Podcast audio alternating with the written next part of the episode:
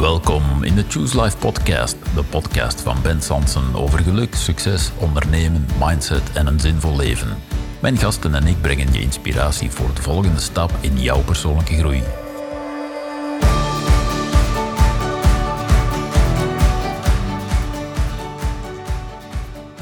Dag lieve luisteraar. Gisteravond zat ik met Lisbeth in de sauna en ik vertel haar dat ik een bijzonder eenvoudig en krachtig model had ontdekt dat instant zuurstof geeft aan je leven.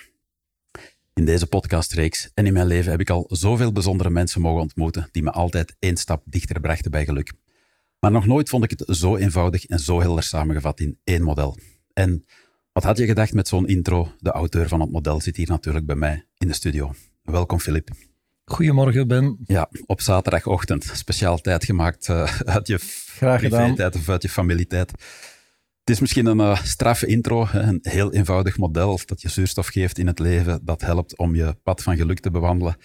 We gaan er straks helemaal induiken, maar we zullen gewoon ergens beginnen. Hoe ben je er ooit toe gekomen om dit model op de kaart te zetten of te ontwikkelen? Oh ben, dan uh, moet ik ondertussen een twintig jaar teruggaan in de tijd. Um, toen ik nog uh, jong was, bedoel ik dan, um, stelde ik mij de vraag: wat maakt nu dat sommige mensen wel slagen in het leven en anderen niet? Ik zag in mijn omgeving een aantal mensen die zowel in hun privé als op hun uh, werk echt wel heel veel problemen hadden en daar blijkbaar toch niet uitgeraakten. Andere mensen die blijkbaar moeiteloos uh, wel succesvol waren, en zowel in privé als in hun beroepsleven. En ik had gewoon als, als jonge mens de vraag van waar ligt dat nu aan? Is dat puur geluk? Of is dat wel maakbaar? Bestaan er regels voor? Is de ene misschien rijker geboren of slimmer? Uh, wat zijn de werkelijke regels die maken, uh, die onderliggend zijn aan het onderscheid? Ja, dus je was gewoon heel nieuwsgierig op dat moment. Ik was heel nieuwsgierig. Ja, en zat er ook een onderliggende behoefte dat je dacht van ik wil minstens even gelukkig en succesvol worden als die mensen die ik dan observeer? Wat was de drijfveer in jou om op onderzoek te gaan? Ja, de drijfveer was eigenlijk gewoon hè, dat onderscheid te kunnen verklaren. En uiteraard, als ik dan hè, zou weten waar het ligt, kan ik dat model ook zelf toepassen. En is dat natuurlijk goed voor mezelf en mijn directe omgeving. Ja. En je zegt twintig jaar geleden, en dat is inderdaad een hele tijd geleden. Je hebt pas jaren later het model echt gaan uitwerken. Wat is er al die jaren tussenin gebeurd? Want je, je kwam in de hele wereld, je zag heel veel mensen. Hoe, eh, hoe ben je daarmee aan de slag gegaan om tot dat model te komen? Inderdaad, beroepshalve kwam ik uh, in, in, uh, over heel de wereld. Um, en ik wou een model dat niet puur op mijn eigen levenservaring zou gebaseerd zijn, want dan zou het weer een bepaalde framing zijn geweest. Dus had ik wel het plan om heel veel mensen te gaan interviewen, te bevragen, heel veel situaties te analyseren en dan een algemeen geldend model te kunnen creëren. En vandaar dat ik ook uh, zowel met Syrische vluchtelingen heb gepraat, ik heb met mensen in Afrika gepraat, ik heb uh, met mensen in de onderwereld in Parijs gepraat, ik heb met CEO's gepraat, met de klassieke huisvrouw, um, hier met CEO's en zo verder, zodanig dat ik telkens meer en meer naar de kern van de zaak zou kunnen gaan. En die kwamen gewoon op jouw pad of die ging je echt ook doelbewust opzoeken in bijvoorbeeld de ondergrond in Parijs? Nee, in principe zijn het allemaal mensen die uh, op mijn pad zijn gekomen door, uh, doordat ik veel reisde. En als ik mensen tegenkwam, en dat is allemaal geen uh, lange professionele interviews geweest, maar als ik in de taxi zat in Dubai, was ik wel heel bewust met, ik ga die mensen bevragen over een aantal dingen. Ja, zonder dat hij wist dat hij eigenlijk deel uitmaakte van jouw onderzoek. Inderdaad. Ja. En zo ben je meer dan 10.000 mensen tegengekomen of zo? Klopt. In totaal heb ik meer dan 10.000 cases, noem ik dat dan. Dat zijn mensen die ik tegenkom, of dingen die je op tv ziet, of verhalen die je hoort, gaan analyseren en kijken van um, waarom ging het mis, waarom gaat het heel goed, en dan de gemeenschappelijke factor daarin zoeken. Ja, en die heb je dan gevonden? En die hebben we dan uh, een model gevonden. Ja. Dat is waarschijnlijk zeker niet het enige model dat geldt, maar um, er is een redelijke grote hè, uh, wiskundige significantie dat dit wel degelijk helpt. Ja, ja, en ik was vooral geraakt door de eenvoud ervan, want heel veel modellen zijn heel complex en allerlei theorieën samengemixt. En, uh, jij maakt iets dat heel behapbaar is. Je hebt het ook samengevat in een boekje dat, en je zei tegen mij, anderhalf uur heb je ervoor nodig, maar ik heb het in een uur nog eens gelezen. Hm. zo snel ben je erdoor. Klopt, de bedoeling was niet om al de data die we in het onderzoek hebben verzameld in het boek te steken. Want dan hadden we een, een boek met 600 uh, bladzijden statistiek en dat uh, zou niet echt uh, hapbaar zijn voor uh, de meeste mensen. Het moest ehm, heel goed begrijpbaar zijn voor jonge mensen. Dat was eigenlijk mijn doelstelling omdat natuurlijk de meeste mensen die oud zijn, die zeggen nu ik hè, van de wereld ga verdwijnen, heb ik het begrepen. Ja, um, dan is het too late. Het zou tof zijn, moesten we dat nu kernachtig kunnen samenvatten, voor jonge mensen, dat die gewoon vanaf het begin een eenvoudige leidraad hebben en daarmee aan de slag kunnen. Ja, mooi. En misschien is het de hamvraag van dit gesprek. Hoe maakbaar is geluk volgens jou? Um, ik denk dat het um, voor 90% of 95% maakbaar is. Hm. Um, je kan natuurlijk in het leven altijd echt uh, tegenslag hebben. Hoewel dat natuurlijk heel veel afhangt van de omgeving waarin je zit. Hè? En die omgeving kan je ook zelf kiezen. Dat is bijvoorbeeld een van de ja. geheimen ervan.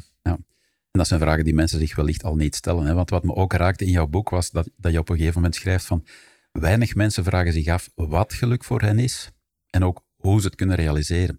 En als je jezelf niet eens die vragen stelt, ja, dan kom je toch ook nooit bij het antwoord. Nee, dat klopt. En het is ook een beetje filosofisch. Nu, in de literatuur vind je toch wel heel wat uh, studies. Zo is er in uh, Oxford, heeft een 75 jaar lange studie gedaan. Heb ook, uh, er is een heel goede um, TED-talk daarover. daar verwijs ik ook naar in mijn boek. En die mensen hebben 75 jaar lang studie gedaan. Mensen in hun leven gevolgd, van jong tot oud. En dan een volgende generatie.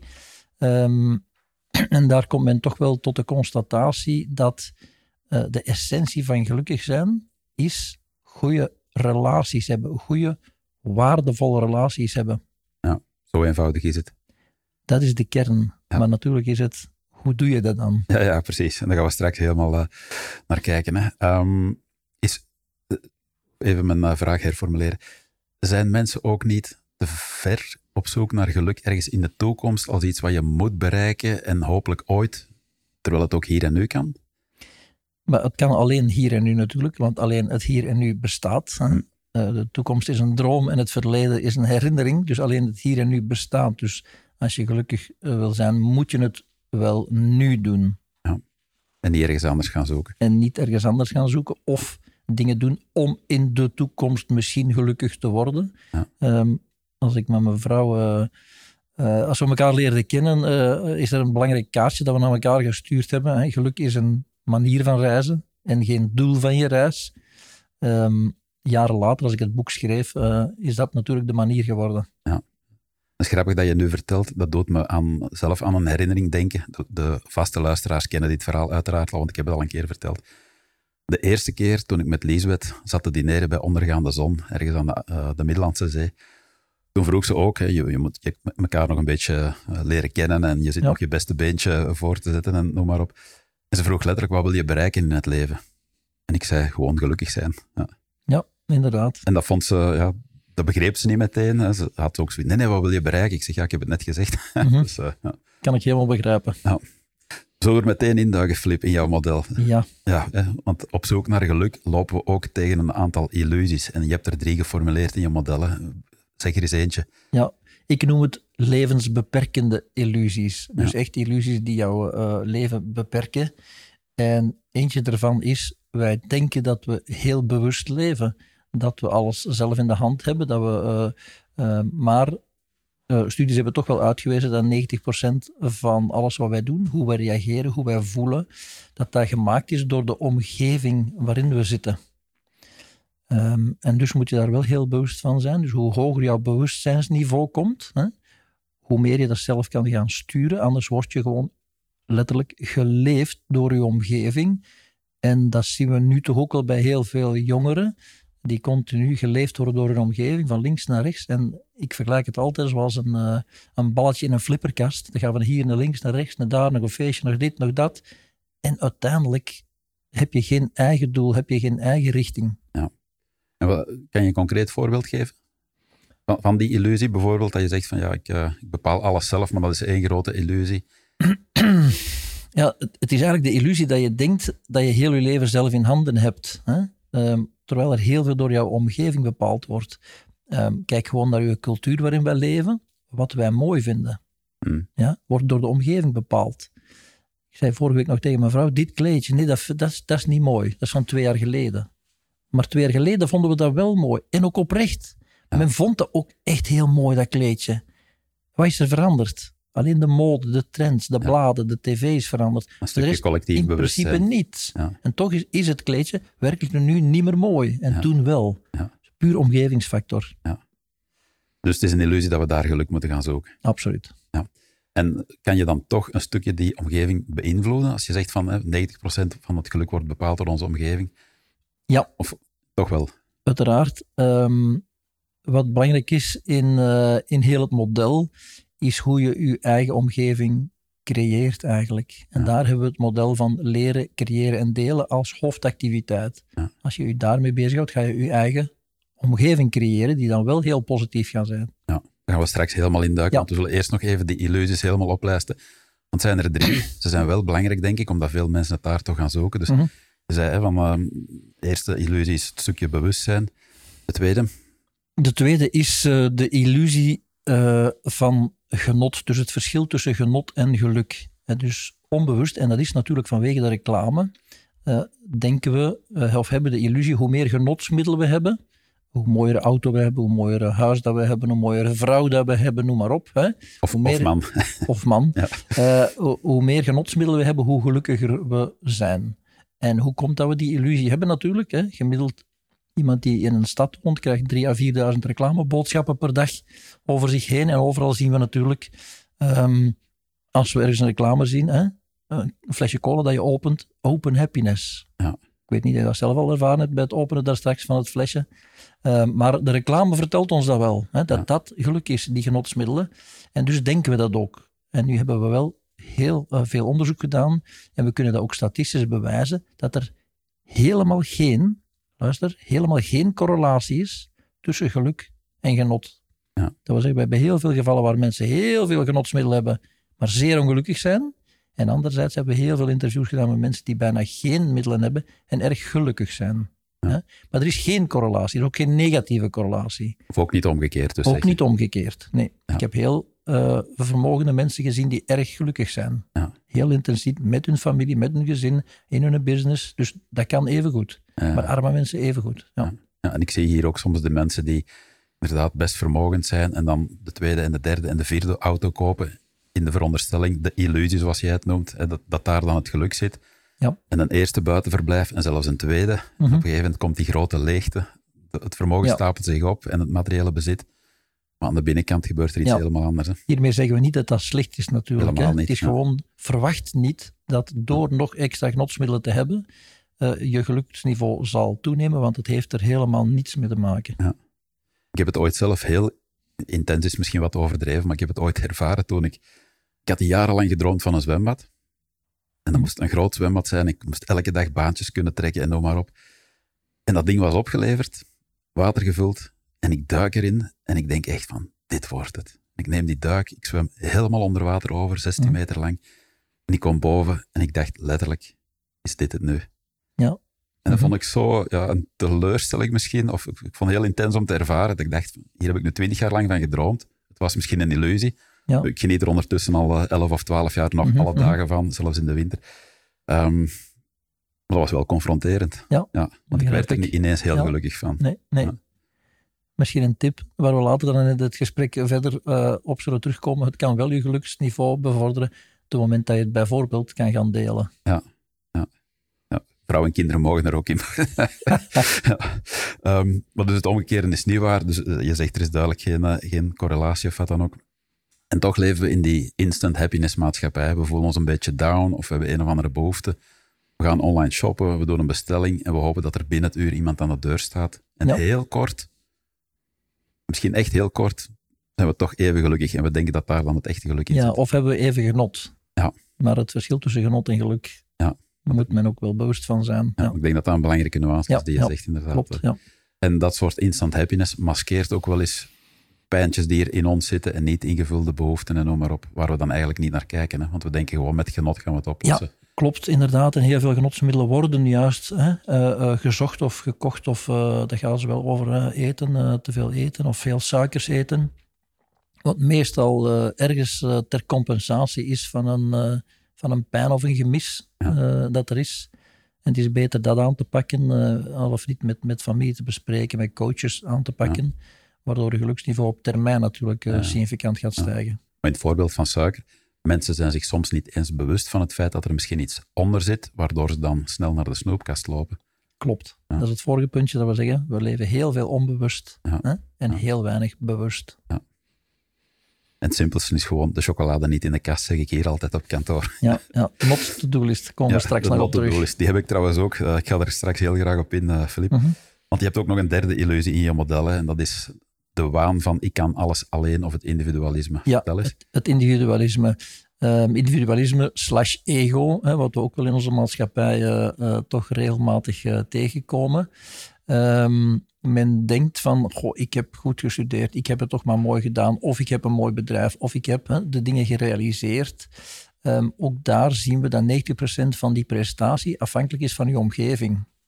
Um, er zijn pas iemand die een heel mooi bedrijf in, uh, in de fietsen had ontwikkeld van kijk eens wat ik heb opgebouwd.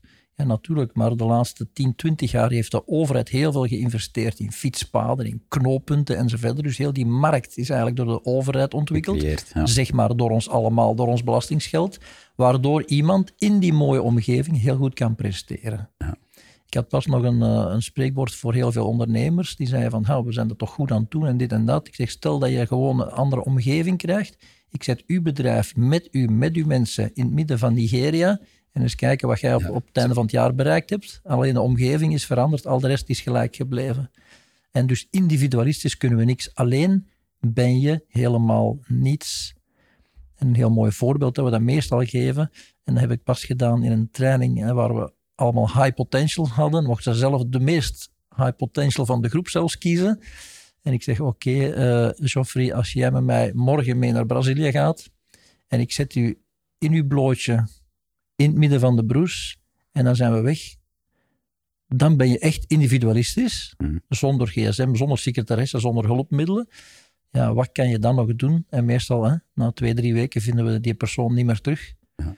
En al is hem niet opgegeten door de wilde beesten, is hem misschien opgegeten door de insecten. Hè? Dat is puur individualisme. En dringt het ook door tot mensen als je dat soort uh, vragen stelt? Of? Ja, toch wel. Toch wel. Jawel. Mm we zijn ook allemaal groot geworden met de overtuiging, je mag geen hulp vragen. Misschien is allemaal een, een veralgemening, maar veel mensen hebben toch die overtuiging van, je mag geen hulp vragen, je moet het alleen doen. En dan kom je natuurlijk bij dat soort dingen uit. Ja, absoluut. Heel veel ondernemers die we coachen zeggen dat ook. Hè. Ja, maar we moeten dat toch wel alleen doen. Uh, een heel mooi voorbeeld zeg ik altijd. Um, kijk eens eventjes naar al de topsporters die je kent.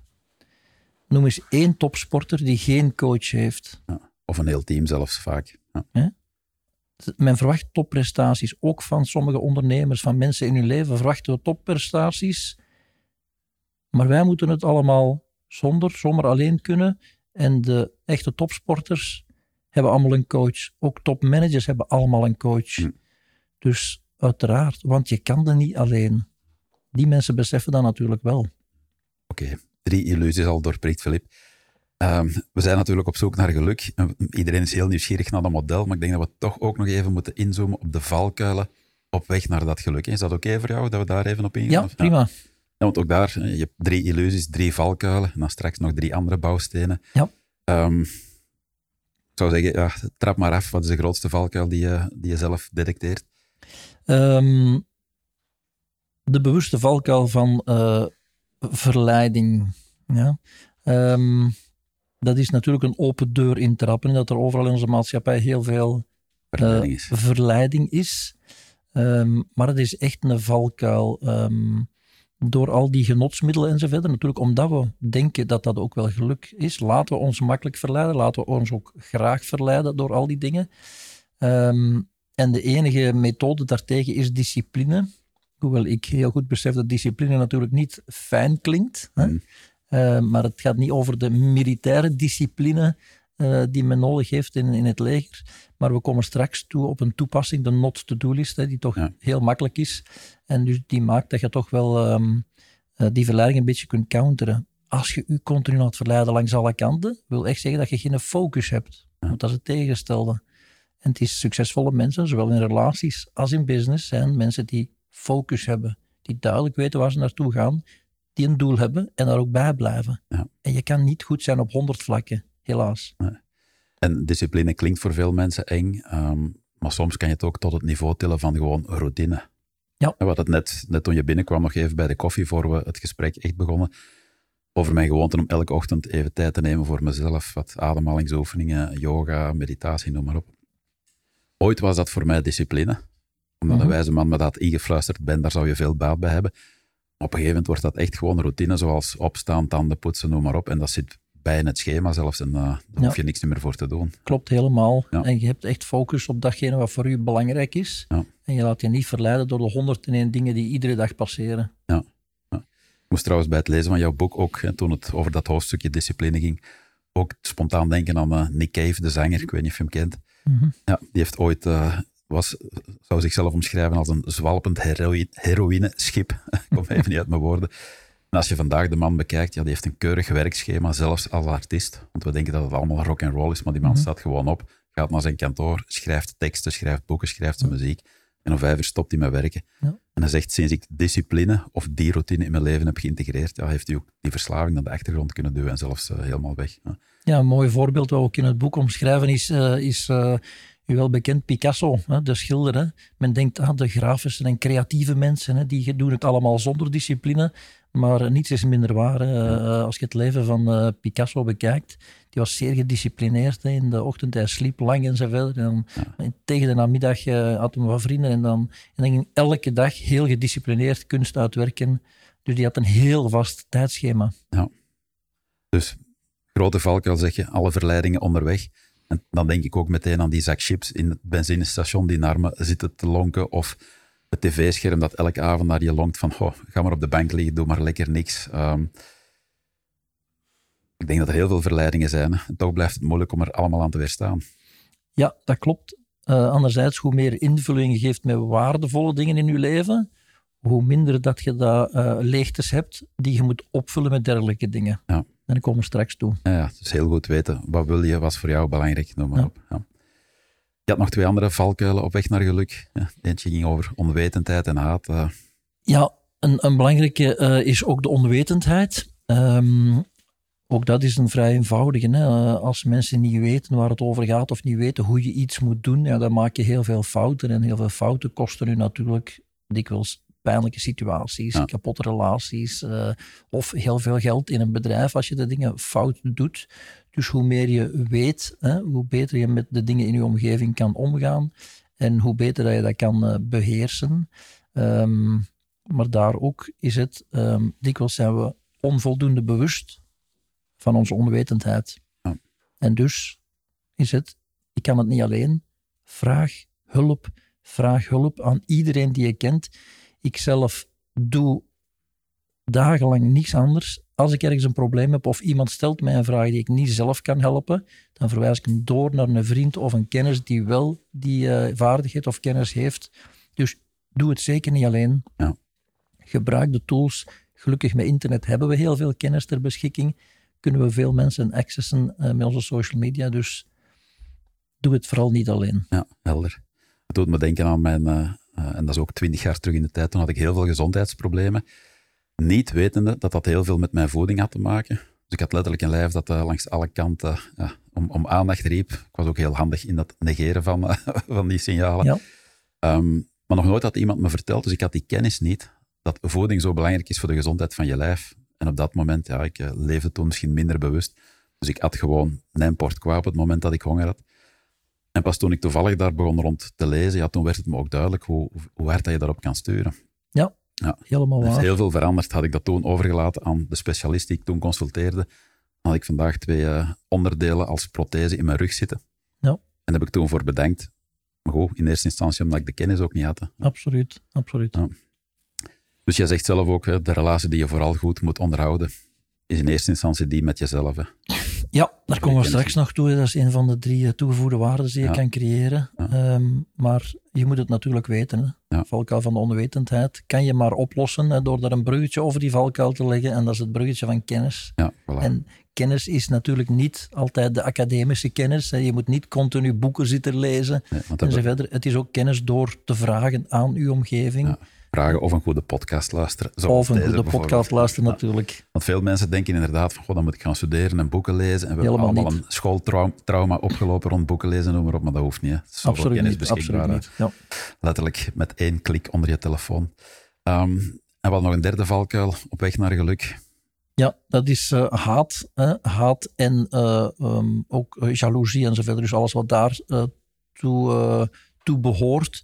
Er zijn heel veel van die negatieve gevoelens die tussen mensen leven, maar die toch wel eh, ehm, aangewakkerd worden. Je blijft die koesteren, je blijft daar een bepaald gevoel.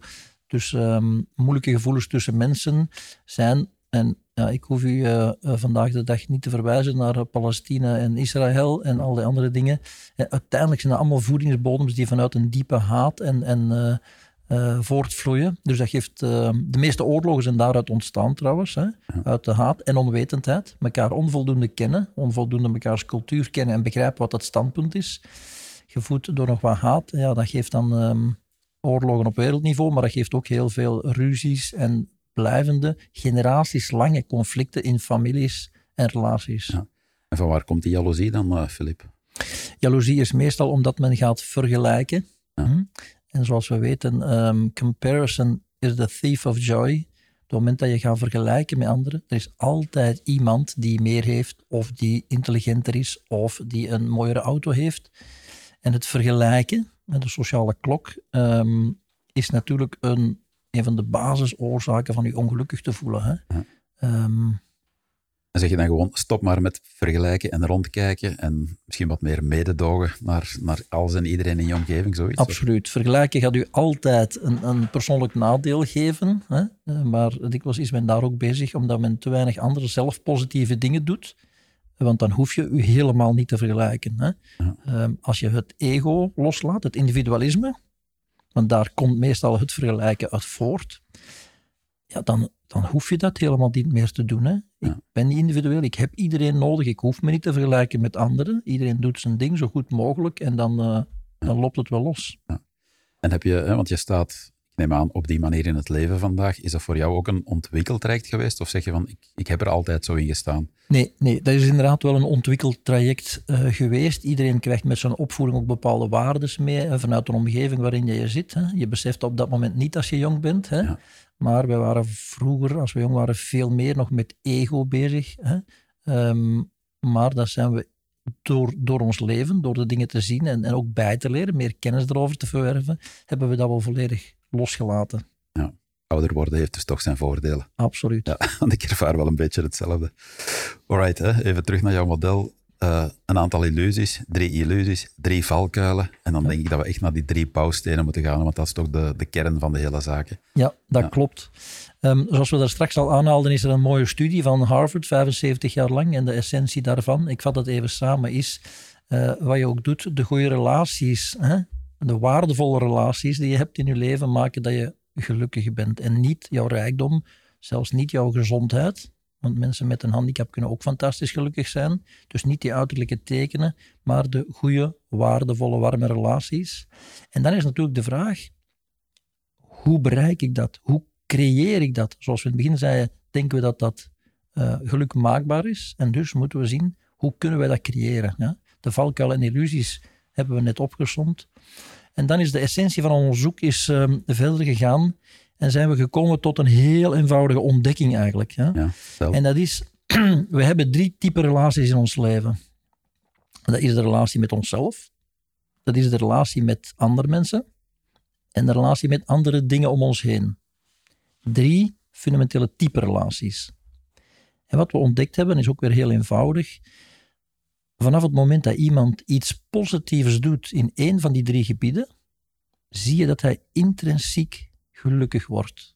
Ja. Ik heb het niet over genot en staan te feesten op een, eh, op een vuif met, eh, met neonlichten, maar intrinsiek echt van binnen gelukkig zijn als je positieve dingen doet in één van deze drie. Ja, dus of richting jezelf, of richting de anderen, of richting je omgeving. Klopt. En moet je ze ook echt doen, of volstaat het al om de intentie te hebben van ze te doen? Maar het is wel belangrijk dat je ze doet Ja.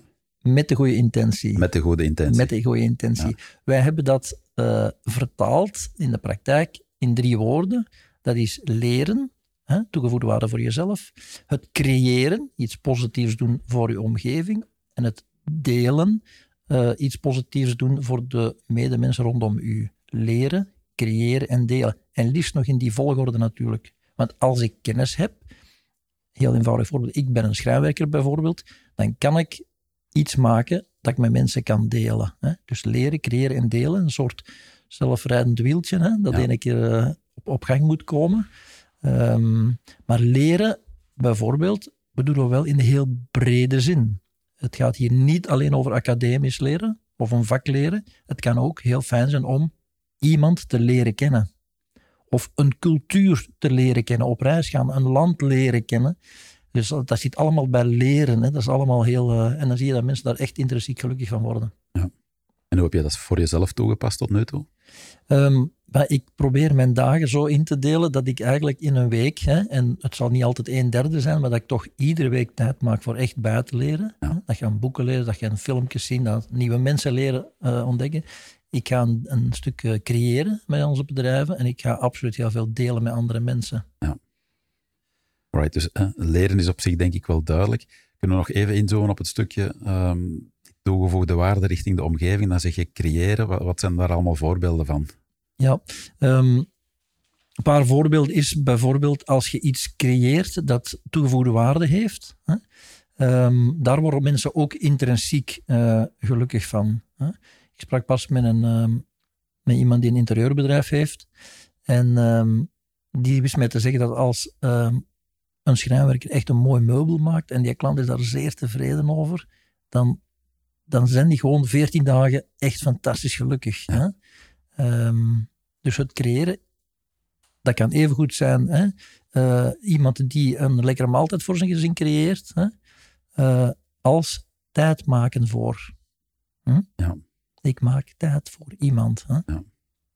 We gaan het soms te ver zoeken. Hè? Ja. Je hebt het idee dat dat, echt allemaal right here, right now, eh, al jouw voorbeelden, terwijl het heel soms te ver day to day, Ja. geen grote dingen. Ehm, het is niet eh, alleen de topondernemer die een prachtig bedrijf heeft gecreëerd, die daar heel gelukkig van zit. Dat kan ook Mhm. natuurlijk, hè? Ja. maar het kan gewoon day to day Ja. gebeuren. En er zit ook een stukje wederkerigheid in. Hè? Van, eh, Ja, de wederkerigheid is natuurlijk een van de essentiële verschillen tussen ons en de dierenwereld. Hè? Ehm, en dat is ook de reden waarom dat de mensheid zo fel geëvolueerd is. Vanwege wederkerigheid doe je de dingen samen. Hè? Hm. Dus, en dan kan je natuurlijk veel sneller evolueren dan als je alles alleen doet. Maar dat onderwerp hadden we daar straks al ja, aangebracht. precies.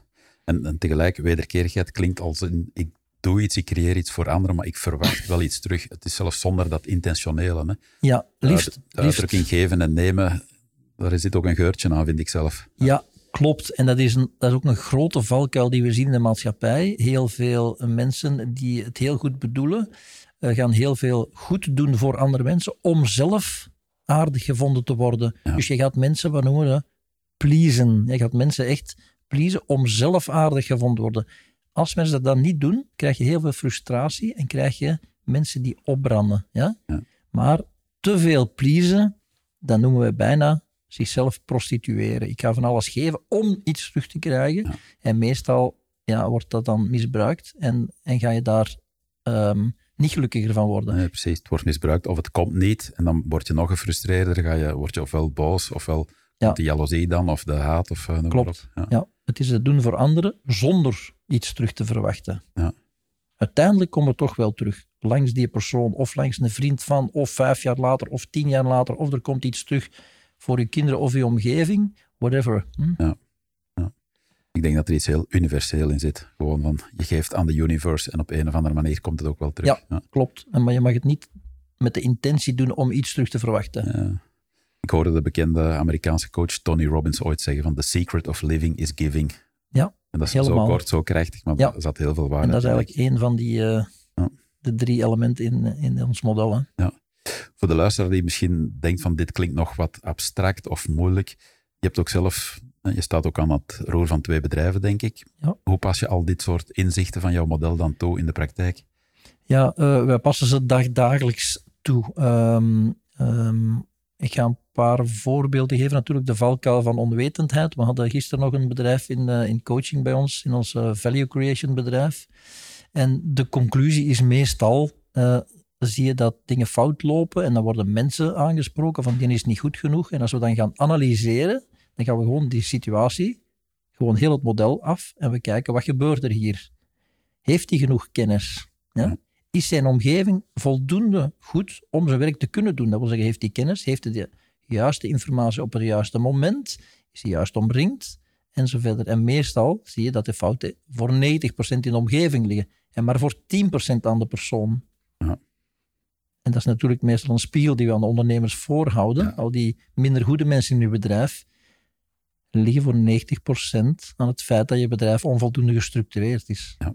Dus dit model passen we 100% toe in bedrijfscoachings. Ja. En, ook in onze eigen bedrijven. Ja, precies. Hè? Want dan zit je aan de, men zegt wel eens, de makkelijke kant, de coach heeft het al ja. makkelijk en de ondernemer aan de andere kant moet het doen. Maar je, hebt, je staat ook, uh, denk ik, aan het roer van een interieurbedrijf. Ja, klopt. klopt. Hoe, ja, Hoe, pas je het daar dan toe? Ja, daar zijn we, uh, om een voorbeeldje te geven, hè, je moet zien dat iedereen op elk moment de juiste informatie hebt. En we hebben inderdaad een interieurbedrijf met een schrijnwerkerij, een lakkerij, een stofveerderij, allemaal erbij. Maar uiteindelijk zijn we een databeheerbedrijf. Je moet heel veel gegevens en informatie beheren voor iedereen op het juiste moment. Zowel voor de man die een interieur moet maken, als degene die op een werf dat moet gaan plaatsen. Als de klant die moet ingelicht zijn over heel het proces. Dus het is communicatie, het is informatie delen. En natuurlijk, we maken ook continu heel mooie dingen, wat intrinsiek motiverend is. Ja, mooi. Dus eigenlijk zou je kunnen zeggen, het, is niet alleen, het gaat niet alleen om persoonlijk geluk, maar evengoed om duurzaam zakelijk succes, jouw model. Ja, en dat is misschien het onderscheidende. Om gelukkig te zijn, hoeven we niet met geitenwolle sokken voor een wierookstokje te gaan zitten. Um, uh, want dat wordt soms wel eens in boeken zo voorgesteld of in magazines. Um, en anderzijds heb je boeken die zeggen van uh, hoe word ik snel miljonair enzovoort. En dan zal je wel gelukkig zijn. Um, we zijn van mening met dit eenvoudige model, zonder dat men zich moet kapotwerken of uh, overstressed zijn, dat zowel geluk als zakelijk succes of het goed hebben, uh, dat dat op een natuurlijke manier samengaat. Ja. Mits de juiste kennis en vaardigheden. Ja. En dan kom je misschien toch nog bij de vraag, maakt geld gelukkig? Uh, geld op zich maakt niet gelukkig, hè? Hmm. maar als je meer vermogen hebt, heb je ook meer kans om te creëren en te delen. Ja. En in die zin, als je dat goed benut, kan het u wel geluk brengen het hebben op zich, hè, of het kopen van genotsmiddelen daarmee niet. Ja. Alright. Flip, je had het straks ook nog over jouw not-to-do-listje. En ik vond het zo leuk om dat in jouw boek te lezen. Ik heb hem niet meer op kantoor hier staan, maar ik heb hem heel lang in het heel groot op mijn flipchart geschreven, mijn not-to-do-lijst. Mm -hmm. Misschien moeten we de luisteraar even meenemen. Waarom vind je, blijkbaar zowel jij als ik dat dan zo belangrijk om een not-to-do-lijstje te maken? Ja. Hoe, hoe kijk jij ernaar? Ja, het is niet alleen wij die dat belangrijk vinden, denk ik. Hè. Dat is ook de analyse geweest van waarom zijn bepaalde mensen heel succesvol. Dan hebben we gaan kijken hoe komt dat. En eigenlijk uh, hebben zij een ongelooflijke focus op datgene wat ze goed kunnen en goed begrijpen en graag doen. Um, en daar houden ze zich dan ook continu mee bezig. En de rest zetten ze op hun not-to-do-list. Ja. De not-to-do-list is eigenlijk gewoon een manier om te zeggen van ik heb een paar dingen die ik echt gefocust wil doen en al de rest, daar zeg ik gewoon bewust nee tegen. Ja. ja? er passeert iets in het leven wat wel een verleiding is, wat misschien wel fijn zou kunnen zijn, maar omdat ik hem bewust op mijn not-to-do-list heb staan, kan ik er heel makkelijk nee op zeggen. Het is gewoon een methode om makkelijker nee te zeggen tegen al die verleidingen die sowieso toch langskomen. Ja. Want jij zegt ook, het is wel belangrijk om het uit te schrijven, om echt te expliciteren wat staat voor jou op de not-to-do-lijst. Ja, ja, ja. uit te schrijven of heel bewust in je hoofd te steken. Hè? Ja. ja. Ja, als je, daarom had ik hem, eh, heb ik hem maandenlang right in my face. Dat ik elke ochtend kom ik binnen op kantoor en op een gegeven moment zit het echt wel in je hoofd. Wat staat er trouwens op jouw not-to-do-lijst zoal? Um, alles wat ons uh, gezin schade zou berokkenen. Ik, uh, um, ik moet niet vertellen dat er van alle verleidingen in het leven langskomen.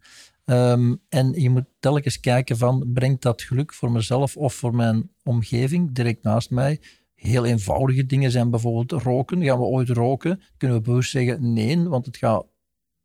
Uh, is misschien een genotsmiddel, maar het gaat zeker onze, ons lichaam en onszelf niet beter maken. Dus daar zeggen we gewoon bewust vanaf voor nee tegen hetzelfde met drugs en, en overmatig drankgebruik. Um, allemaal dingen die, uh, die aangeboden worden, uh, maar waar je bewust heel makkelijk nee tegen kan zeggen, omdat het op je not-to-do staat. Het maakt het leven zo eenvoudig. Ja. En je kan je focussen op de dingen die wel toegevoegde waarde brengen. Ja, voilà. En, je zegt toegevoegde waarde, dat is het eerste wat op mijn motto-doellijstje stond of in mijn hoofd nog altijd zit. Mhm. Dingen waarvan ik zelf denk, heeft geen toegevoegde waarde. Ja, die wil ik echt niet doen of niet mee bezig zijn. En dat, dat drukt zich niet per se uit in euro's of zo, want toegevoegde waarde gaat ook om wat vind ik zinvol in het leven, hoe wil ik dat mijn leven eruit ziet en alles wat daar niet binnen past, ja, get rid of it. Ja, dat Ja. klopt, ja. Bij jou zijn het meer zo hè, de, de verleidingen van het leven. Op mijn not-to-do-lijstje staan ook nog zaken als dingen die me energie kosten. Ik denk, ga ik vooral niet doen, moet iemand anders doen. hè. Mhm. Ehm, de dingen die zogezegd verplicht zijn. En soms is dat moeilijk natuurlijk, want ja, sommige dingen moet je dan toch wel, eh, ik zeg maar wat, de kersttafel bij de spreekwoordelijke schoonmoeder of zo. Mhm. Ehm, en mijn laatste vind ik, eh, ik ben er even op aan het denken, ehm, wat iemand anders beter kan. Dat staat bij mij ook heel expliciet op de not-to-do-lijst. En dan bedoel ik business-wise. hè. Heel goede tip. Delegeer wat je zelf niet goed kan of niet graag doet. Hè? Ja. Misschien anderen zijn er veel beter in, doen het ook graag. En dan maak je het geheel veel, veel positiever. Hè? Ja, dan ben je ook weer aan het delen en creëren. hè. Ja. Klopt.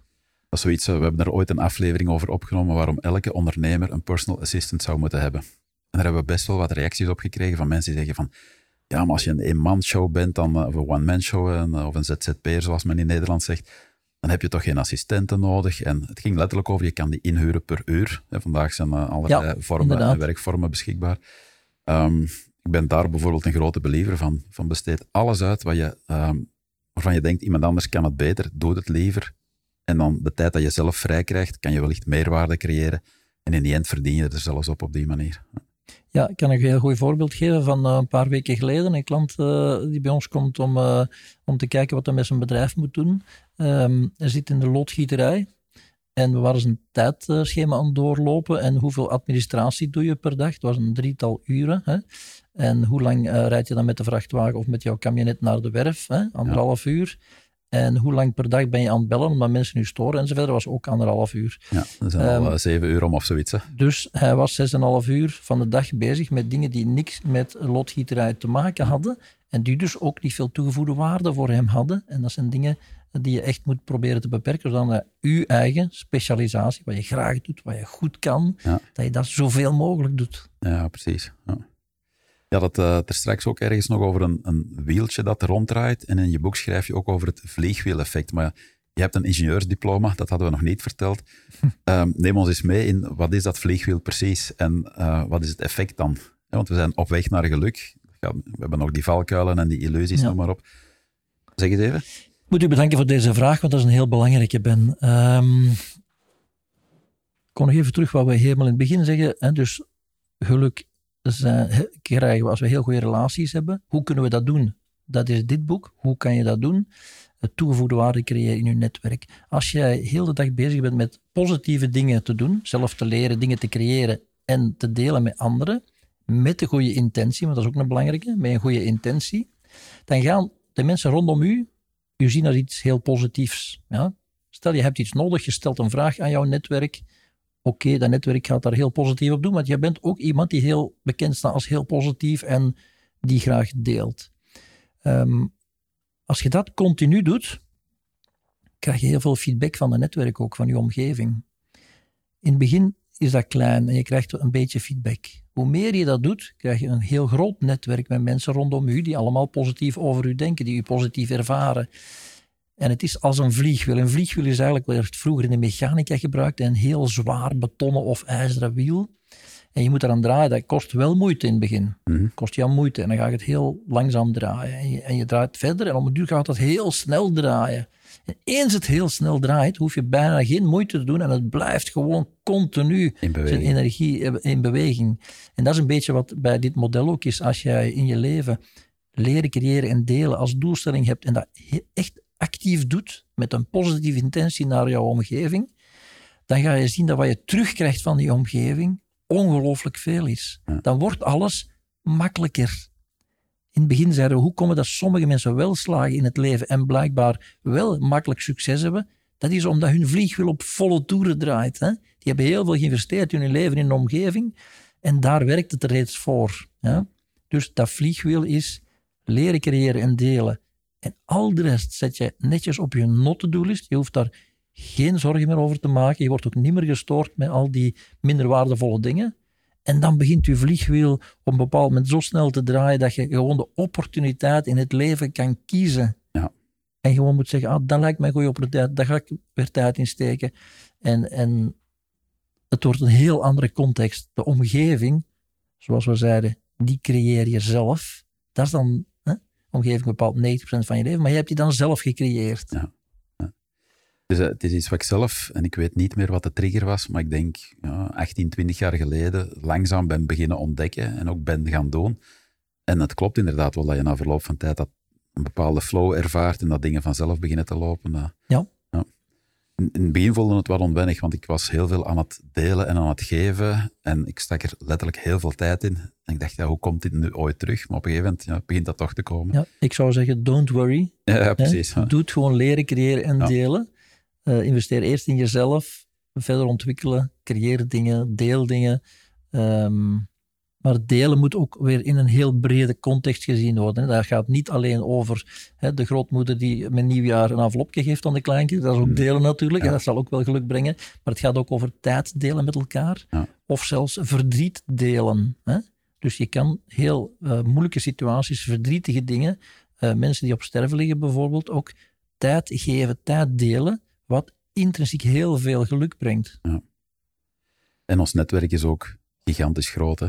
Want je schrijft zelf ook in je boek van, ja, gemiddeld hebben we wel duizend contacten. En die hebben op zich ook weer duizend contacten. En in no time ja. heb je een netwerk van 1 miljoen mensen. Ja, We staan klopt. veel te weinig bij stil. Bij de kracht van netwerk zit eigenlijk in de tweede graad. Ja, dat is uh, als het vliegwiel één keer draait en je hebt een netwerk van hè, jouw duizend mensen rondom je, plus die kennen ook nog eens duizend mensen allemaal. Uh, een miljoen mensen, wat, wat, kunnen we niet bereiken als we gewoon durven uh, beroep doen op die duizend mensen. Ja. Natuurlijk, je mag niet in de illusie zitten dat ik moet alles alleen doen, want dan gebruik je je netwerk niet. Hè? Ja. Gebruik het best. Het, het, het, mensen zijn graag bereid om iets terug te doen als je een positieve... Ja, en zelfs niet per se bent. terugdoen, denk ik, Filip. Ook gewoon om iets te doen. Om iets te En doen. als je gewoon ja, ja. durft vragen, Mhm. dan merk je hoe, mensen, hoe leuk mensen het vinden om dingen te kunnen doen. En dan doe je zelf een keer iets terug. En, Ja. Omdat zij natuurlijk ook dat geluk ervaren, omdat ze iets kunnen doen voor jou. Hè? Ja, precies. Hoe heb je dat, eh, dat hele proces ervaren van die twintig jaar daarmee bezig zijn, dan op een gegeven moment dat in een boek te kunnen vatten, in je eigen leven, je bedrijven toe te passen? Ja. Wat was jouw proces in dat verhaal? Ja, eh, natuurlijk heeft het eh, wel even geduurd hè, voor we dit model eh, ontdekt of gedistilleerd hebben. Ik vergelijk het dikwijls met een liqueur, distilleren tot je echt de kern, de kern, de kern hebt, die, zowel, hè, die, die ook geldt in, onafhankelijk van jouw cultuur of opleidingsniveau. Dit geldt voor iedereen. Ehm, en we hebben het pas echt ontdekt na jaren onderzoek te doen en om een uur krijg je zo wat, ah, wat is de kern? Ehm, daarna heb ik het eh, veel zelf toegepast en ook met vrienden gedeeld ehm, die in consulting zaten en zo verder, om, om andere ideeën te hebben. En meer en meer zeggen mensen, ja, we denken echt dat het, dat het zo, zo werkt. Ehm, en dan heb ik het aan een aantal eh, mensen voorgelegd die ook uh, van achterop mijn boek als referentie staan. Rick Torres, een, uh, een coach van vele dobbelaren. Ja. En als toen die mensen ook zeiden van ja, het is, het is voor ons echt wel, denken we, waardevol. En dan heb ik beslist van oké, okay, dan ga ik er maar een boek van maken. Want Ja. dat was oorspronkelijk misschien niet eerst de bedoeling. Maar ik dacht oké, okay, het is misschien toch waardevol genoeg om, om met mensen te delen. En als er ene mens daarmee meer geluk heeft, dan is het doel al bereikt. Hè? Alright.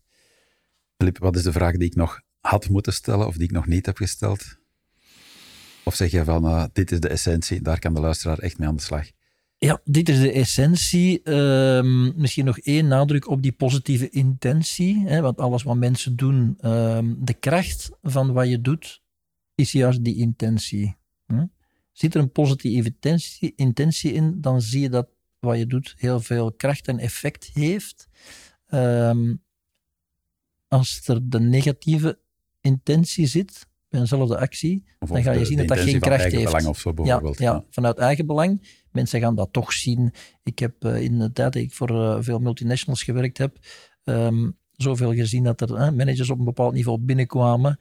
En ja, binnen de week weten de mensen van heel de organisatie, van de vloer tot boven, wat die zijn intentie is. Ja. Hè? En dat ja. soms komen er wel eens jobhoppers of ego-trippers, zoals we dat dan in het jargon noemden, langs. Maar dat duurt een week en iedereen heeft dat gezien. Hè? Um, en ja, die mensen hebben dan ook niet zoveel succes en, en, en, en moeten letterlijk struggelen. Hè? Eh, terwijl iemand die veel kennis heeft, bekwaam is met de goede intentie, dat worden echt de goede leiders. Je kan ze zo onderscheiden. Ja. Je hebt twintig jaar lang aan dat hele verhaal gewerkt. Op een gegeven moment staat dat als een huis. Misschien was het wel jouw levensmissie en is het nog steeds. Wat ga je met de volgende twintig jaar doen, Filip?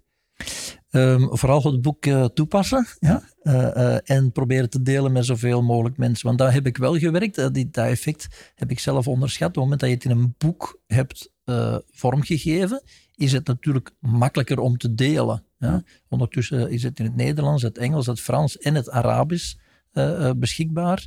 Dus hoe meer mensen dat je deelt, ja, dat op zich al is voor mij heel fijn om te doen. Het huis van ooit staat in het land van nooit. Dat is een quote, denk ik, uh, Filip, die ik ook nog uit jouw boek heb gehaald. Dus zoals wel vaker durf ik jou als luisteraar aan het einde van deze podcast ook nog een reflectievraag stellen. Wat is dat ene ding dat jij nog steeds uitstelt en wat toch een verschil zou kunnen maken in je leven als je het wel vastpakt? Laat het me even weten via mijn Instagram-account. Dat is gewoon Ben Sansen. Je krijgt van mij persoonlijk nog een tip die je nog verder op weg kan helpen. Filip, dankjewel voor dit mooie gesprek op een regenachtige zaterdagochtend. Moest de zon schijnen, dan zou ik zeggen, laten we samen nog een mooie wandeling maken. Maar dat heb je nog van me te goed. En voor jou als luisteraar, het boek van Philip Dings, Zuurstof voor het leven, is te verkrijgen via bol.com of staat ondertussen gewoon op onze boekenpagina. Dat is trouwens een pagina met uh, heel wat boeksuggesties voor jouw persoonlijke ontwikkeling. Het is zo'n beetje mijn favoriete top 50, zeg maar. En die vind je gewoon op bensansen.com slash boekentips. Maak vandaag misschien ook nog even je not-to-do-lijstje. En dan hoop ik natuurlijk dat deze podcast er niet op belandt. En verder, maak er nog een mooie dag van. En zoals altijd, choose life.